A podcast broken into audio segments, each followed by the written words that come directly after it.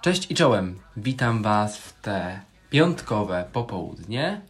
E, większość z Was ma już wolne, więc nadszedł czas na gotowanie. Dzisiaj Francja elegancja, czyli bagietka. Jest to jeden z najbardziej rozpoznawalnych symboli Francji i samego Paryża. Bohater wielu żartów i stereotypów i swoiste insygnium francuskości.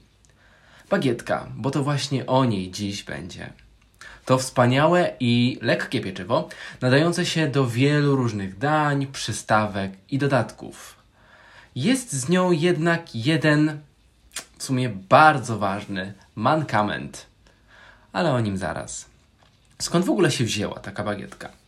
Legendy podają, że to napoleońscy piekarze wymyślili długie pieczywo, takie, które mieściłoby się w kieszeni spodni żołnierzy. Historia może i zabawna, jednak czytając ją kolejny raz zauważycie pewną logiczną sprzeczność. Bagietka jako pieczywo dla żołnierzy. Dla żołnierzy. Co w tym dziwnego powiecie? E, otóż żołnierze podróżują i stacjonują zwykle przez bardzo długi czas w niedogodnych warunkach, em, z dala od domu, z dala od miast. E, a taka prawdziwa, dobrze wypieczona bagietka nie jest świeża już po kilku godzinach i staje się twarda jak kamień. Może to i nie żołnierze Napoleona byli prowodyrami bagietkowej dominacji nad światem, jednak wojna odegrała tutaj pierwszoplanową rolę. Dokładniej, pierwsza wojna światowa. Takie pieczywo, jak bagietka, zostało wymyślone przez austriackich piekarzy około XIX wieku. Użyli oni nowego wówczas pieca z parą wodną, gdzie temperatura i wilgotność pozwalały na powolne pieczenie ciasta, gdyż powierzchnia ich, w sensie ciasta, nie wysychała aż tak szybko w tak ekspresowym tempie. W efekcie otrzymywano bardzo lekkie, wilgotne i puszyste pieczywo z ciekawą i chrupiącą skórką. Wtedy bagietki znane były jako bułki austriackie i zostały przywiezione do Paryża w 1815 roku. Nie były one jednak tak popularne jak później, czy tak jak teraz. W 1920 roku francuski rząd w stosunku do dużych strat odniesionych w państwie francuskim po I wojnie światowej oraz małej ilości wykwalifikowanych piekarzy po niej, rozporządził, aby piekarze pracowali wyłącznie między godziną 4 rano a 23 wieczorem.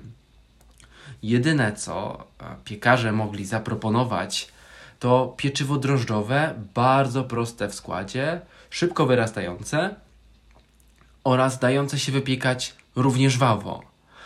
Okazało się, że im mniejszy jest przekrój poprzeczny takiego porządkowego ciasta, tym szybciej ono rośnie e, do odpowiedniej formy i szybciej można je wypiec. Dodatkowo, im więcej wody w takim cieście, tym jest ono lżejsze i bardziej puchate, ale też i chrupiące z wierzchu. I to właśnie był klucz. Strzał w samą dziesiątkę.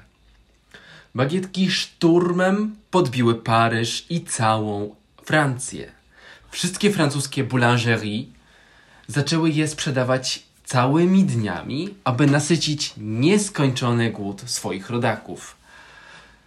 Są oni jednak tak bardzo przyzwyczajeni do tego pieczywa, że kupują je codziennie i nie wyobrażają sobie bez niej posiłku. Dodatkowo wiedziałem, e, że są bardzo uzależnieni od tych bagietek, jednak do tego stopnia, że gdy taka bagietka po kilku godzinach przestanie być świeża, kupują nowe. Powstało również wiele przepisów bazujących na bagietkach, tych z wczoraj albo sprzed kilku godzin. Najbardziej znane to oczywiście pain perdu, czyli chleb z wczoraj, znany też jako tosty francuskie. Polsce mówimy na to chleb w jajku, chleb maczany w jajku.